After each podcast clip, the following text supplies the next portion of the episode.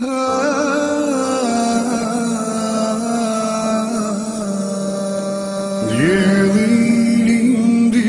elde adit Orban kat zbrast imbriçoj Në malë lartë trimat janë gjithë Shkollën e lartë. Alhamdulillah Rabbil Alamin Salatu wassalamu ala nabina Muhammed wa ala alihi wa sahbihi ajma'in thumma ma ba'd. Mi smo u našem zadnjem predavanju završili predavanje a, s pitanjem vezanim za pripremu bračnog ručka, koga tako možemo nazvati, ili gozbe svadbene i njenog vremena. Sad smo došli do pitanja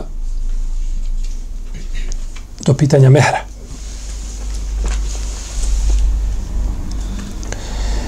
Pitanje mehra.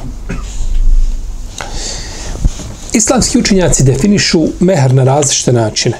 U knjigama Fika se mogu naći različite definicije mehra. Međutim, sva ta značenja, a navodi se oko devet sinonima različiti, sva se svode da je mehr da je mehr i meta koga suprug uručuje svojoj supruzi radi zaključenja bračnog ugovora.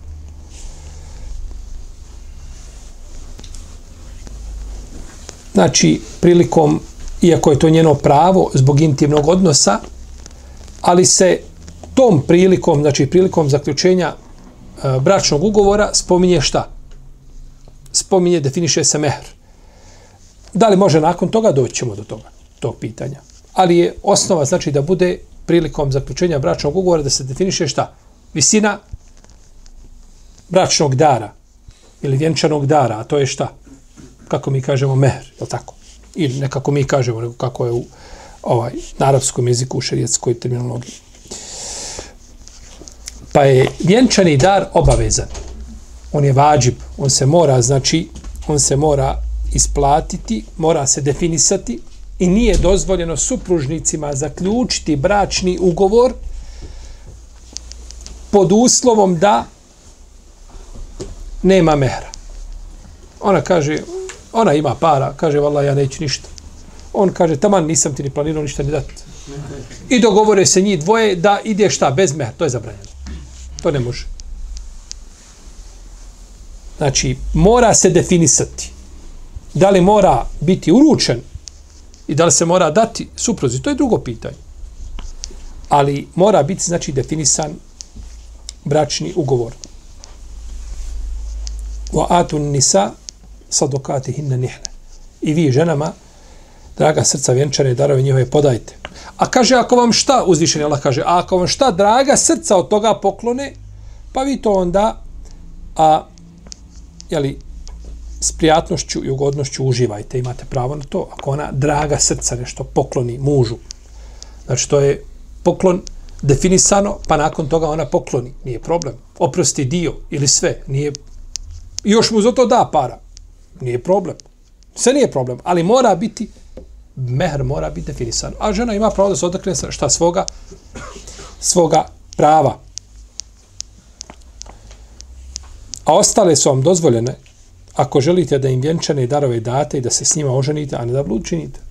Pa uzvišeni Allah spominje, znači, je tako, ovaj, i kaže uzvišeni Allah zaođel, i ženite se s njima s dopuštenjem vlasnika njihovi i podajte im vjenčane darove njihove i podajte im vjenčane darove njihove.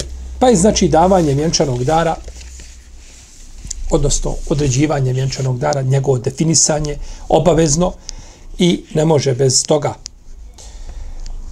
Sehli mi sad kaže da jednom prilikom, kaže, bili smo kod poslanika, sa osanem, pa mu je došla jedna žena i ponudila mu brak.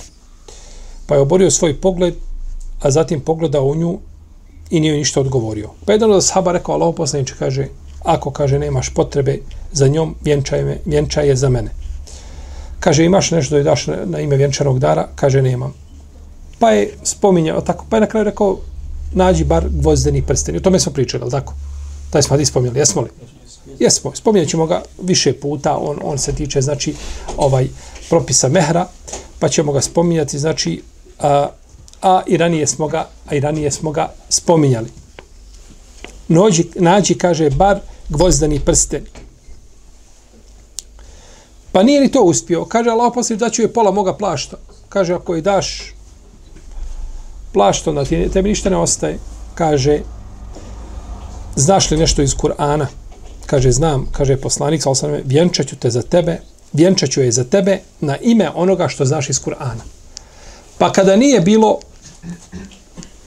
nije imao ništa materijalno, došao obzir opet da ima šta? Mehr da bude, a to je Kur'an. A doćemo do toga.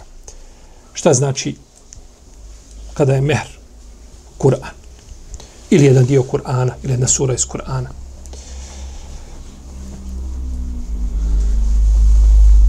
A nema razilaženja među islamskim učinjacima u vezi s obavezom, obavezom vjenčanog dara. I veliki broj učinjaka spominju jednoglasni stav. I na to aludira jasno Kur'an i sunnet i konsensus i tu više je elastičnost 0%. Nema razilaženja, nema ništa, vjenčani dar je obaveza, mora se odrediti. Mora se odrediti. Ne kažemo isplatiti zato što žena može šta? Može prostiti mužu mehr, jel u redu? Pa nije dužnost da joj mora dati pa da ona njemu vrati. Da ona njemu vrati. Ne. Dogovorili su se da bude 1000 maraka i to je to i da isplata bude e, najkasnije do polovine ha, šestog mjeseca, na primjer. I ona njemu početkom šestog mjeseca kaže Allah te blagoslovio i tebe i tvoj metak, ne treba mi ništa, halal su. Ne mora ništa davati. Ali mora biti šta? Definisan. Mora biti, znači, određen, spomenut, znači, da se zna visina mehra. Dobro. Oni se ipak vjenčali, nisu ništa o mehru pričali. Ima drago jednom i drugom što se vjenčaju, oni ne znaju u kom su svijetu i zaborave oni spomenut mehr. Ili onaj koji je vjenčao nije ništa pitao mehru. A ni oni tome nisu ranije ništa pričali. Ha. Dešava se. Dešava se da pri, go, razgovaraju o mehru, odu u sobu prije vjenčanja na pet minuta i dogovaraju mehr. Nisu razgovarali prije o tome. Tako. Kada bi se vjenčali, a da nije spomenut mehr, a prilikom zaključenja bračnog ugovora, bilo da je usmeno ili pismeno, brak će biti validan. Brak je ispravan. Bračni ugovor je ispravan. Međutim, ženi treba naknadno, znači, odrediti mehr, a koji pripada ženama njenog staleža. Uzvišen Allah kaže, nije vam grije. Ako pustite žene prije nego što s njima u odnos stupite ili prije nego što im vjenčani dar odredite. Slušajte se jedan podajet. Nije vam grije. Ako pustite žene prije nego što s njima u bračni odnos stupite ili prije nego im vjenčane darove odredite. Ili vjenčani dar odredite. U ovom ajetu je dokaz da je brak ispravan bez vjenčanog dara. Kako? Ko zna?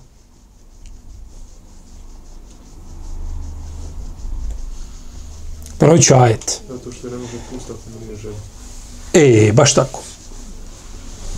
Ovdje uzviše nas spominje, nije grije da ih pustite, a niste im odredili šta? Vjenčani, a puštanje ne može biti nego nakon ispravnog bračnog ugovora. To pustaš ženu koja ti nije tvoja supruga, to nema, to, to nije pustanje. Jer uzvišeni Allah ne bi to naveo, ne bi to spomenuo, ne bi to ovaj, a, ovaj, tretirao čime? Puštanjem, osim da je brač ugovor šta? Ispravan. Iako ima u njemu jedna krnjavost koju treba šta? Popraviti. To se može nadomjestiti. Nakladno. Ali brač ugovor je osnova šta? Da je ispravan. Brač ugovor je šta? Ispravan. Pa, ovaj, ovaj znači ajet jasno aludira da je bračni znači ugovor u tom slučaju ispravan. Ukva ibn Amer prenosi da je poslanik sa osanem udao jednu ženu za nekoga sahaba. Pa je on legao sa njom u postelju, ali joj nije odredio visinu vjenčanog dara. Kada mu se približila smrt, rekao je prisutnima, Allahov poslanik me sa osanem ženio tom i tom ženom. Kaže, a ja joj nisam odredio vjenčani dar, niti sam išta dao. kaže, uzimam vas za svjedoke da joj na ime vjenčanog dara dajem udio moj iz Hajbera. Moj udio koji sam dobio na Hajberu, ja joj to dajem na ime čega? Vjenčanog dara. Pa ga je ona kasnije prodala za 100.000. Za 100, šta? Pogledajte mane tako da sahaba. Nije rekao, taman, to je to, živio sa njom, ili tako? I na kraju kad udaj, dobit ćeš nešto sitno. Nego je dao, znači, komad zemlje ili parcelu koja vredi 100.000, nije spomenuto čega, dinara ili dirhema, uglavnom velika je svota. Ibn Mesud je upitano čovjeku koji se oženio, ali nije odredio vjenčani dar supruzi. Zatim je umro prije nego što je sa njom spolno općio, rekao je njoj pripada mehr ravan vjenčanom daru žena poput nje. Znači, oženio je, a nije odredio vjenčani dar i zato je umro, njoj pripada iz nasljedstva. Znači, ali žena ne može bez mehra. Ne može biti bez mehra.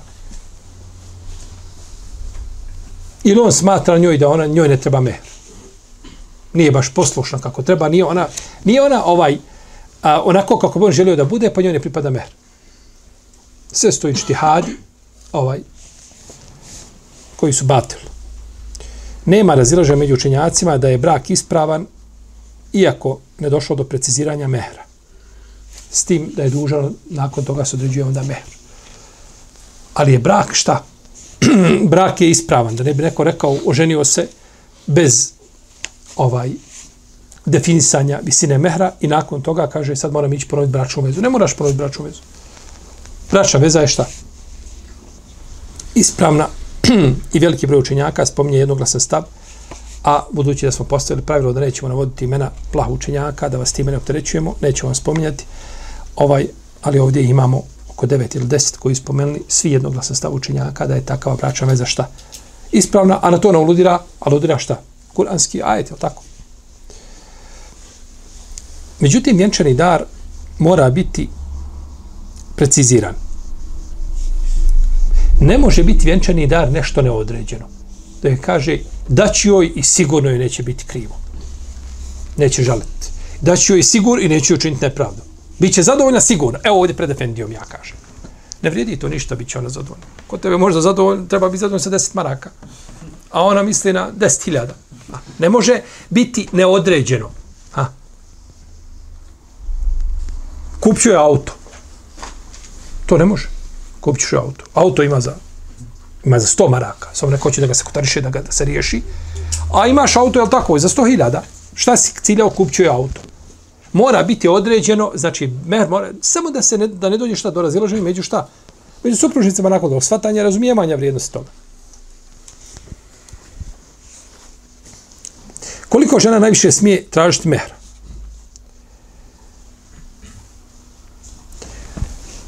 U šarijetskim izvojima nije definisano koliko smije biti gornja granica mehra, koja se ne smije preći. To nije definisano uzvišen Allah spominje u Kur'anu nešto iz čega bi se zaključilo da mehr može biti visok. Kaže وَإِنْ أَرَدْتُمُ اسْتِبْدَالَ زَوْجٍ مَكَانَ زَوْجٍ وَآتَيْتُمْ إِحْدَهُنَّ قِنْطَارًا فَلَا تَأْخُذُوا مِنْهُ شَيْئًا أَتَأْخُذُونَهَا بُهْتَانًا وَإِسْنًا مُبِينًا A ako ste, kaže, jednoj od njih dali kintar. Kintar je velika količina blaga. Nemojte, kaže, ništa od toga uzimati zar to nasilno uzmete, čineći očigledan grije. Grijeh ćete počiniti tako. A da li stoji mnogo blaga? Nemaš pravo to da uzmeš, osim ako ti ona nešto da od, od sebe. Pa budući da je sve Allah za naveo primjer mnogo blaga ste dali, uzvišeni Allah navodi za primjer ono što nije šta. Što nije ispravno.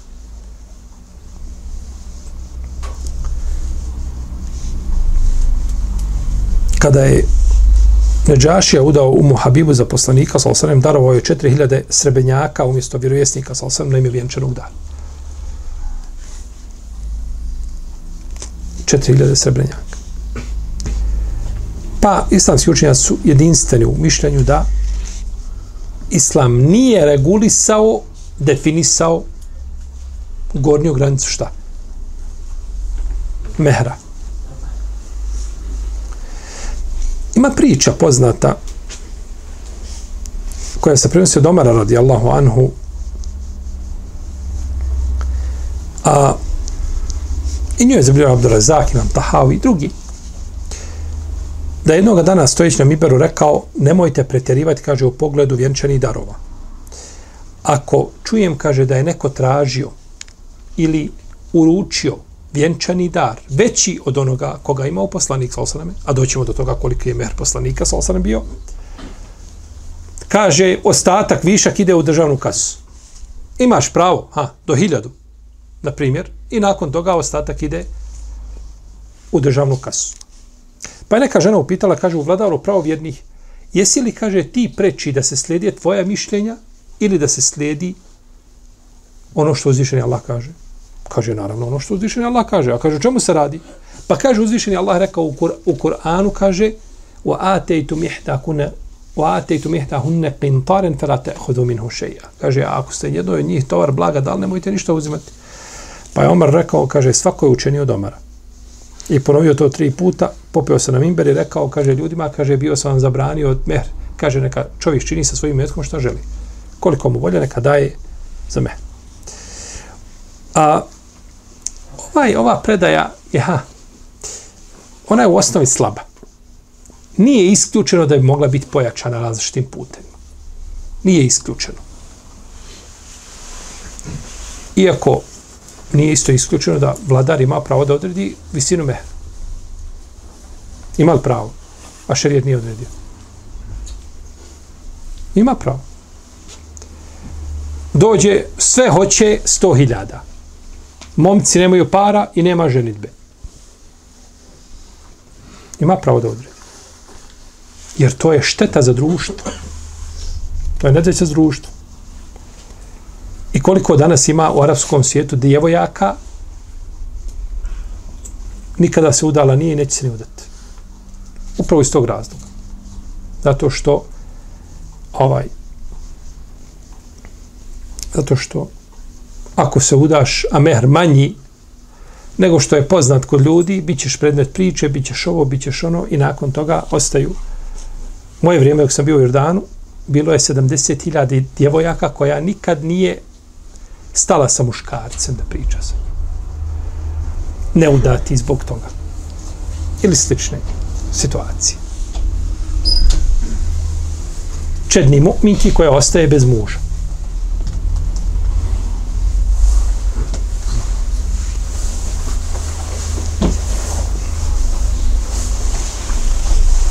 Pa se može odrediti u određenim situacijama, je li tako?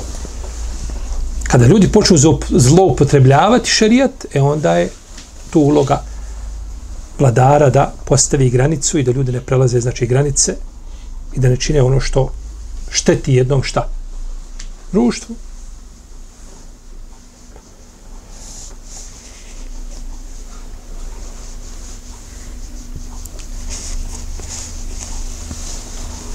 Pa je bolje da vjenčani dar bude umjeren, da bude manji, da bude skroman. Ukva ibn Amir prenosi da je poslanik sa osram rekao najmanji mehr je najbolji mehr. A u drugoj verziji stoji najbolji brak je najjednostavniji brak. Kad ti njoj moraš isplatiti 50.000, to nije malo jednostavno. To je jako bolno.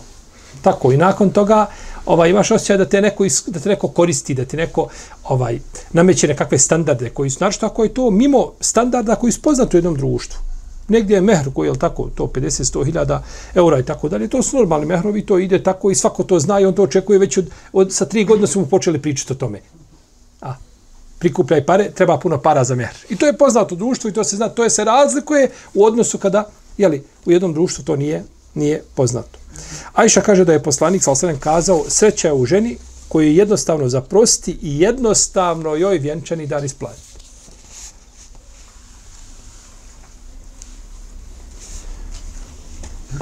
Nakon što je prenio ovaj hadis od Ajše, njen sestri Čurva ibn Zubair je rekao, a ja da odajem od sebe, kaže, a od loših preznaka žene je visok vjenčani dan.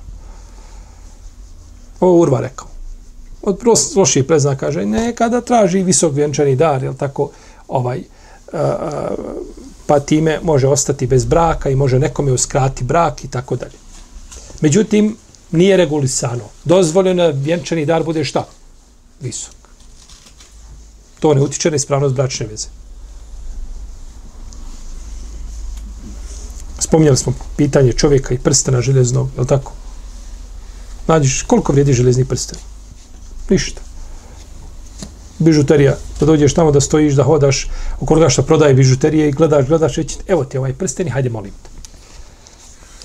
Znači, nije to nikakva vrijednost. Kada se Ali je oženio Fatimom radi Allah te lanha, Allahu poslanik sa mu je rekao daj joj nešto. Kaže nemam ništa Allahu poslaniče. Ništa nema. Kaže daj joj onaj hotamijski, onaj štit što sam ti dao ovaj tog i tog dana. Gdje ti je on? Kaže kod mene. Kaže podaju štit. Pa je uzela štit za mehr. Tako bilježima Mahmedi na saji sa dobrim lancem prenosilaca. Kako su sahabi bili prirodni ljudi? Sve prirodno bilo kod njih. Za, za minutu dogovore mehr. Takva im je kompletna vjera bila. Jer su shvatili, razumjeli prirodu din islama. Kaže se da je Omer ibn Khattab rekao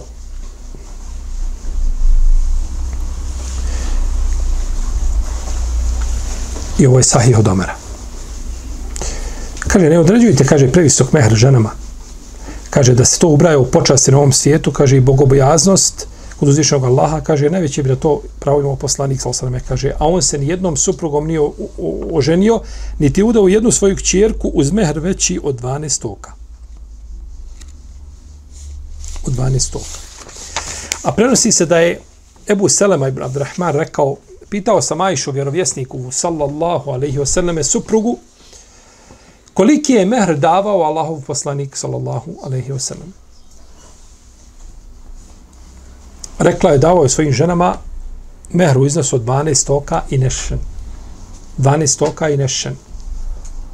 Kaže a znaš šta je nešen? Kaže ne znam. Kaže to je pola oke pa to sve iznosi 500 dirhema 500 dirhema toliko je bio mehr koliko je 500 dirhema to je 1485 grama zlata. E, srebra, oprosti. srebra. 1400, skoro kilogram i pol srebra. Malo manje. To je bio mehr koga? Poslanika, sallallahu alaihi wa sallam. Koliko je kod nas srebro? Gram. Je li toliko? Kad se kupuje 8, kad se prodaje marka.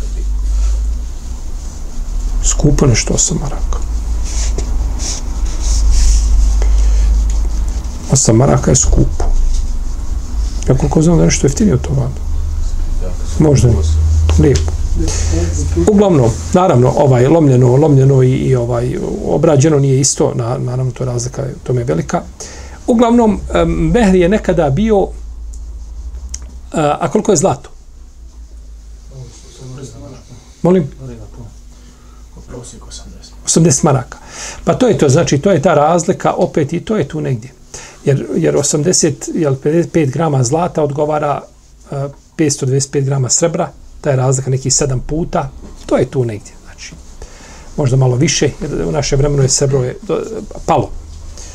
Pa se to onda vodi polemika među učenjacima, učenjacima da li se mjeri, da li se mjeri uh, vrijednost ovoga uh, nisaba u zlatu ili u srebru.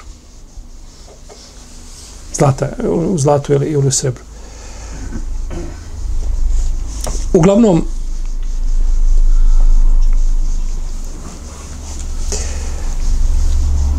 to je bio mehr poslanika sa osrem. Međutim, nije dužnost ograničiti se na to. Može biti više, a može biti šta? Manje. A može biti mehr poslanik. Nije, to, to nije spone. To nije došlo da bude a, propis umetu i da se mori toga držati. Tim prije što od jednog sahaba tražio, nije rekao, idi zaradi. Pa kad prikupiš kilogram i po srebra, onda se ženi. Nego je ovaj. Nego je, tako, dozvolimo da to bude čak i željezni prsten.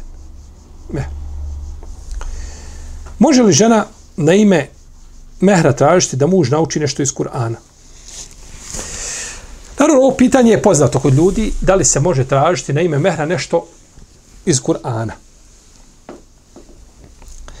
I ovo je jedna vješta prevara od strane muškaraca. Kako? On kaže ja ću, nema on para, navodno nema para, ne znamo da li ima, kaže, ja ću naučiti suru Alija Imran. Ili ću naučiti suru El Maide. Na ime Mehra. U naredne dvije godine. I on to nauči i Mehr plaća. To je neispravno. Mehr treba biti nešto od čega žena ima koristi. A ne muž. On se oženio, dobio i mladu i mehr. On je samom sebe mehr platio. On naučio šta? Pola Kur'ana. Kur'an nije bitno. On je sebi mehr isplatio, nije njoj ništa dao. Dobro, šta onda znači udajem je za tebe, za on, on, na ime onoga što znaš iz Kur'ana? Da je poučiš. Da nju poučiš onome što znaš iz Kur'ana. E, to je, to je mehr koji, oko koga se olema razilazi. A ovo da on nešto nauči, što ti imaš oko tebe? Ti, ti hoćeš učiti, to je tvoje, hoćeš učiti, nećeš učiti. Ti trebaš njoj koristiti. A ne šta samom, jer ta korist ne vraća šta? Njoj, nego se vraća tebi. Pa čovjek znači treba da nauči nju onome što zna iz Kur'ana ili onome što se dogovorili.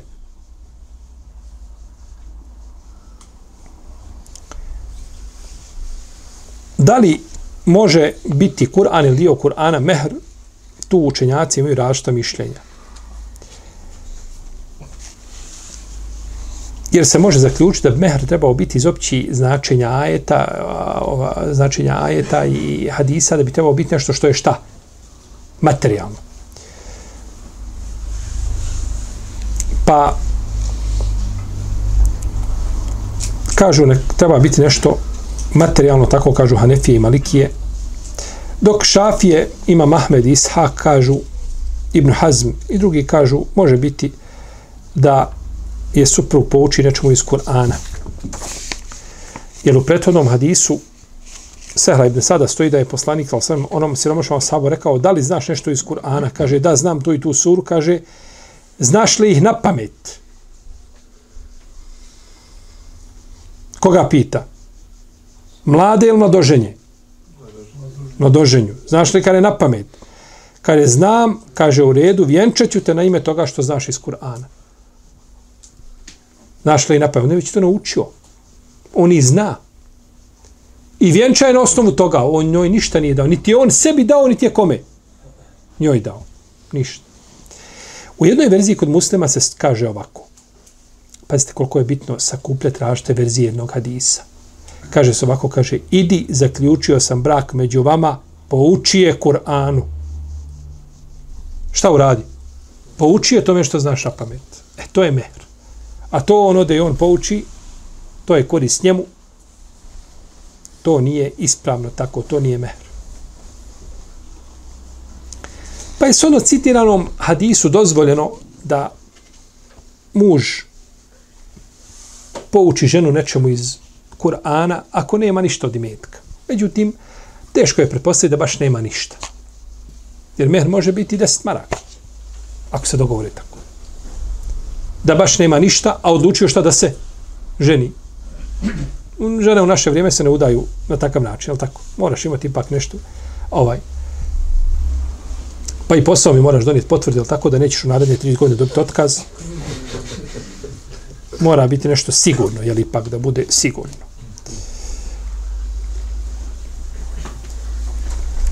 Ali ako već bude ovo, onda je preče da joj da nešto uz to materijalno, pa minimalno da je. Da se iziđe šta iz? Iz razilaženja. Da se iziđe iz razilaženja. Da ne bilo da je mehr šta? Neispravan. Taban to bilo je nešto mizerno, simbolično,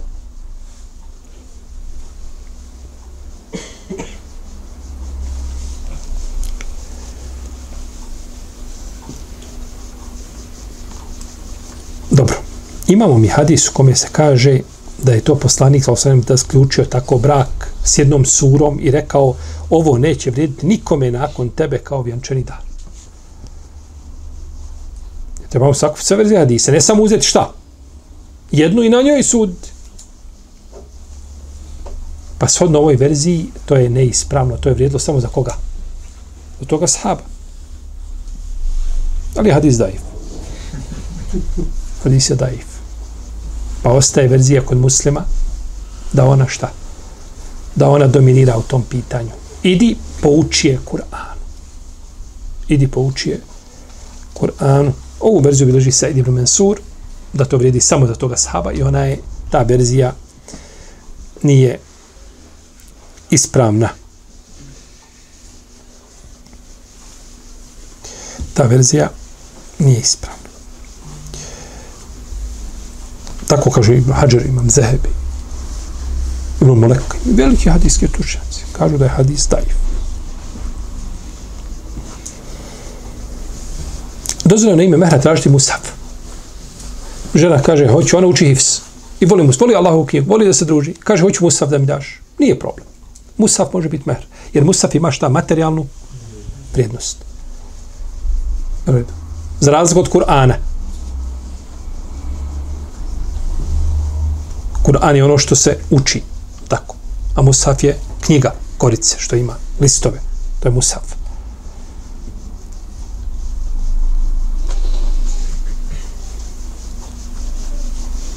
Iako je poznato da kad čovjek uzme da drži Kur'an u rukama, tako. Nije ni to pogrešno, pošto je to postalo poznato među ljudima, tako da drži, drži Kur'an u rukama. Iako je ispravnije kada drži Musaf. Međutim, jedno i drugo se može kazati, jer to je, jeli, kad se kaže Kur'an, misli se šta na Musaf. A kad se kaže Musaf, misli se na Kur'an. To je, jeli, poznato. Pa ne treba tamo gdje nema problema, ne treba praviti problem. Tako. Može li žena na ime vjenčanog dana tražiti hađ ili umru? To je često. Tako.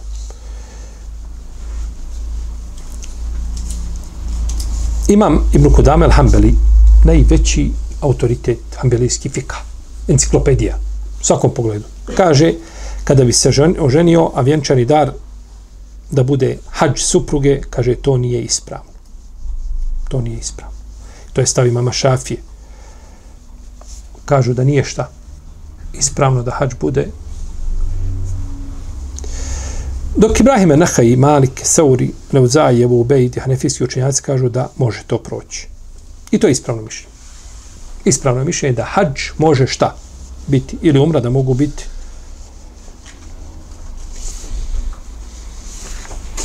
šta? Vjenčani dar. Hađ ili umra mogu biti vjenčani dar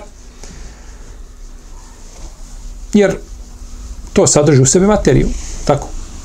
Međutim, treba ga definisati. Jer hađ može obaviti se da budeš pored harema u hotelu i možeš se obaviti da budeš negdje gore na Azizi, 5 km daleko. Ili van Mekije budeš negdje u kakvom hotelu, ne vidiš ništa nego pusti. Možeš na Hadžića autobusom, a možeš avionom. Možeš sjediti u prvoj klasi, možeš sjediti tamo negdje na kraju. Jedva ćeš dobiti čašu vode. Hađ nije isti svugdje. A. I treba onda precizirati da ne dođe do razilaženja. Među supružnicima, kako, šta.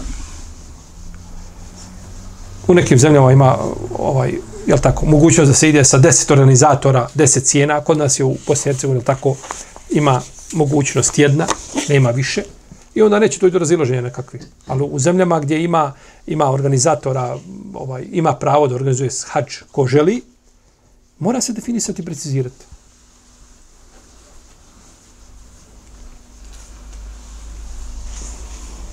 Da ne bi došlo šta do, do razilaženja. Kada ženi pripada cijeli mehr? Ženi pripada cijeli mehr ako je muž razvede nakon spolnog odnosa s njom. I u vezi s tim nema razilaženja. Oženio se, definisali mehr ili ga nisu definisali kako god i razvede je. Njoj pripada šta? Njoj pripada cijeli mehr. Govorili smo o tome ako ne definišu mehr, kako je šta, u redu. Ali znači, ovaj, ona ima pravo na mehr, kako god. Znači u tom slučaju. Uzvišen Allah kaže, a ako hoćete da jednu ženu pustite, a drugom se oženite, i jednoj ste od njih dali mnogo blaga, ne uzimajte ništa od toga. Zar da to nasilno uzmete? Znači, to je njeno pravo. I prenosi Aisha radijallahu ta'ala da je poslanik sa osanem rekao koja god žena uda samu sebe, njen brak je ništavan, njen brak je ništavan, njen brak je ništavan. A ako bude s njom imao spolni odnos, pripada joj mehr zbog intimnog odnosa. To je njeno pravo.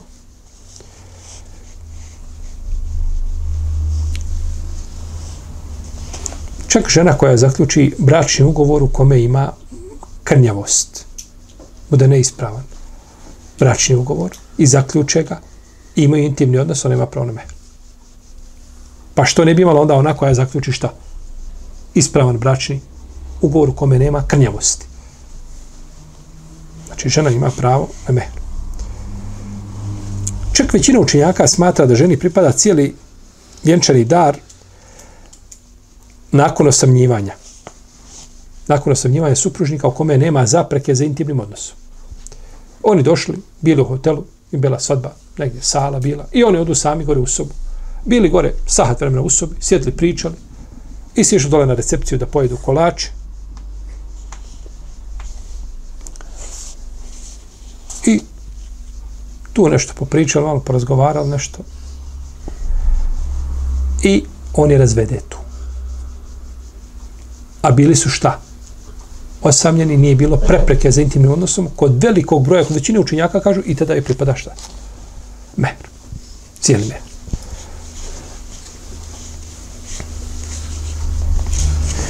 Neki navodi konsensus pravnika u vezi Ali taj konsensus nije potvrđen. Nego bi po nekim učinjacima pripadalo ipak pola mehra.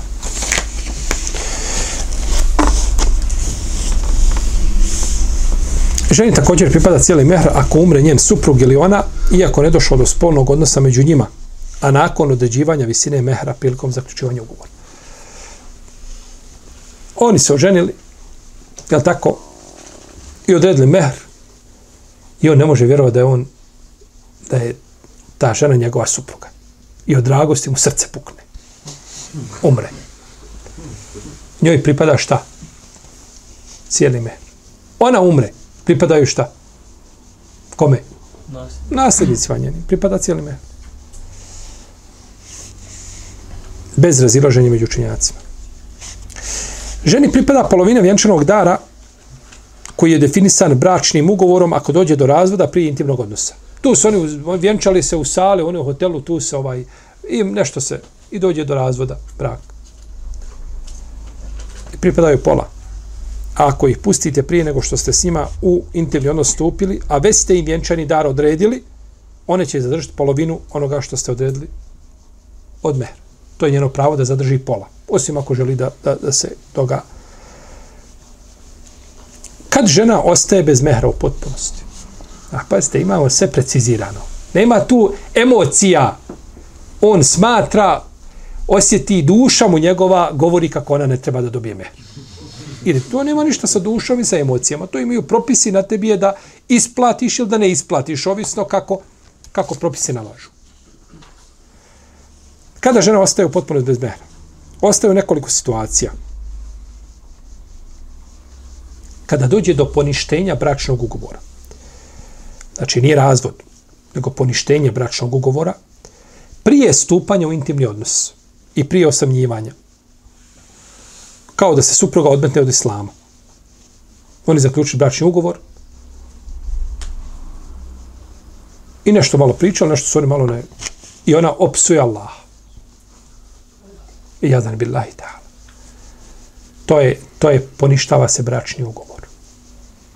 Jer je psovanje Allaha, vrijeđanje, ne mora biti psovanje, one psovke što imaju kod nas, to nema nigde na zemlji, to je, to je čisto šeitanski postupci nego vrijeđanje, bilo kakvo uvreda Allaha uzvišenog, bilo čime, čovjeka izvodi van vjere. I zato mi često prevodimo riječ kad dođe tamo negdje sebe je subu, to se prevodi naših knjiga pso, psovati. Taj prevod nije precizan. To znači vrijeđati. Psovati, to je, to, toga nema priče nikakve. Ha? Nego vrijeđanje uzvišenog Allaha na bilo koji način da je uvreda za uzvišenog Allaha, to je to čovjeka izvodi van vjere. I žena tako nešto uradi, ovaj, i odmetne se od islama, ili da ona primi islam, ona ostane nevjernik on ostao ateista, deklariše i ona primila islam nakon vjenčanja, a nisu imali intimni odnos, poništava se šta bračni ugovor. Ili da dođe zbog žene, zbog mahane, koja pri ženi slično tome. Pa značenje poništenje bračnog ugovora kao da ni bračnog ugovor nikako ništa ni postoje. To je poništenje. Znači, i to je mjesto što je dogovoren i on se šta? On se u paketu poništava. Jel redi? To je poništenje bračnog ugovora, pa se to razlikuje od čega? Od razvoda. To je razlika. To imaju znači situacije kada će doći do poništenja bračnog ugovora. Drugo, kada dođe do nagodbene ili sporazumne rastave, el hula, a o tome ćemo posebno pričati. O sporazumnom razvodu će nam biti posebno predavanje. Žena tada vraća šta mehr? Muž i ostaje bez mehr. Da li možemo, da li, trebamo, da li on može više tražiti, ali ne može, doćemo do toga. Doćemo do tog pitanja posebno. Dalje, kada žena oprosti mužu još neuručeni mehr, pa ostaje bez mehra. Oni su dogovorili hiljadu i nakon vjenčanja kaže Allah te blagoslovio i tebe i tvoj metak ne moraš mi ništa davati. Ostala je bez čega? Bez mehra. Svojom šta? Voljom. Ili kada mu dobrovoljno uruči, ovaj preda, vrati već uručeni mehr. On je dao hiljad, ona ga držala ko sve mjesec dana i došla i evo te. I nema pravo više nakon toga da traži kada oprosti, da, ili mu kaže halal su mehr završeno i on sutradan uradi nešto naopačke, što nije smio uraditi nikako. E, kaže, vidi ja juče tebe, neću, kaže, ja se, nemaš pravo, gotovo. To je završeno. To je završeno. Pa u tim slučajima ne pripada joj ne pripada joj mehr. Nikako. Nekad njenom voljom, a nekad mimo šta? Mimo njene volje mimo njene volje, ona primila islam, jel tako, ono sto na, na, da, da je nemusliman bilo koje vrste, jer musliman, kad se ne smije udati za nemuslimana, bez obzira o kojoj vrste nemuslimana se radilo, to je tako.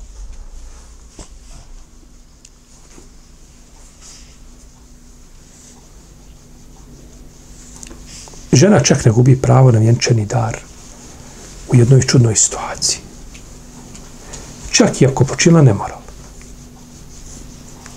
Ima muža, u, vjenču, oni, u braku, i ona počine nemoral.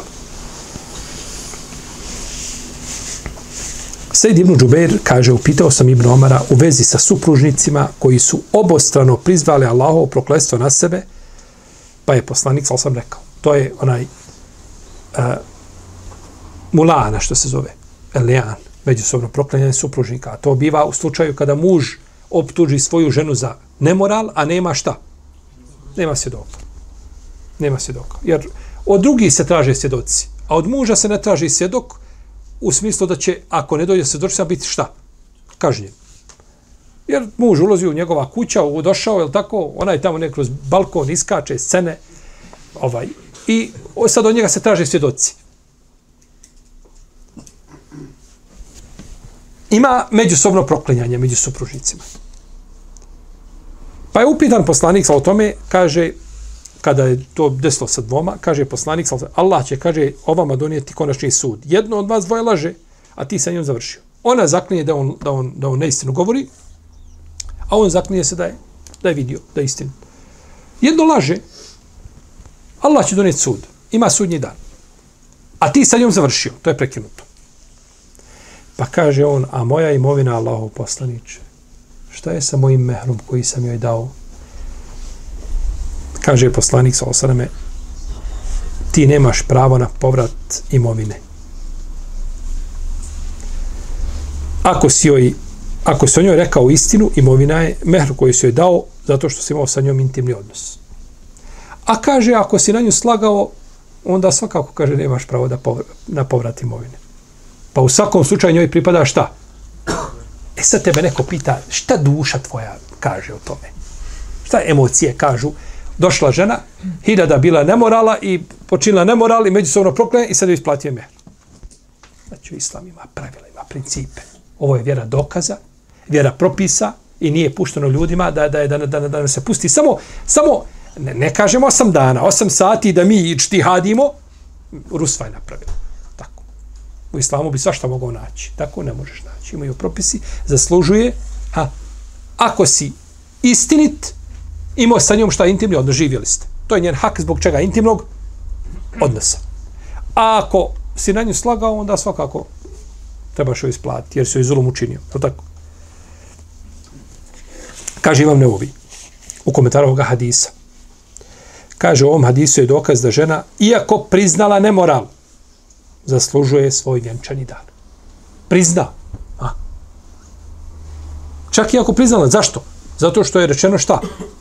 Ako si u pravu ti, ako istinu govoriš, njoj pripada mehr zbog čega? Zbog odnosa. Samo što u tom slučaju je bila sankcija, ako prizna. Ima sankciju zbog nemorala. Jel u redu? A, a ako ne prizna ništa, ostaje za sudnji dan.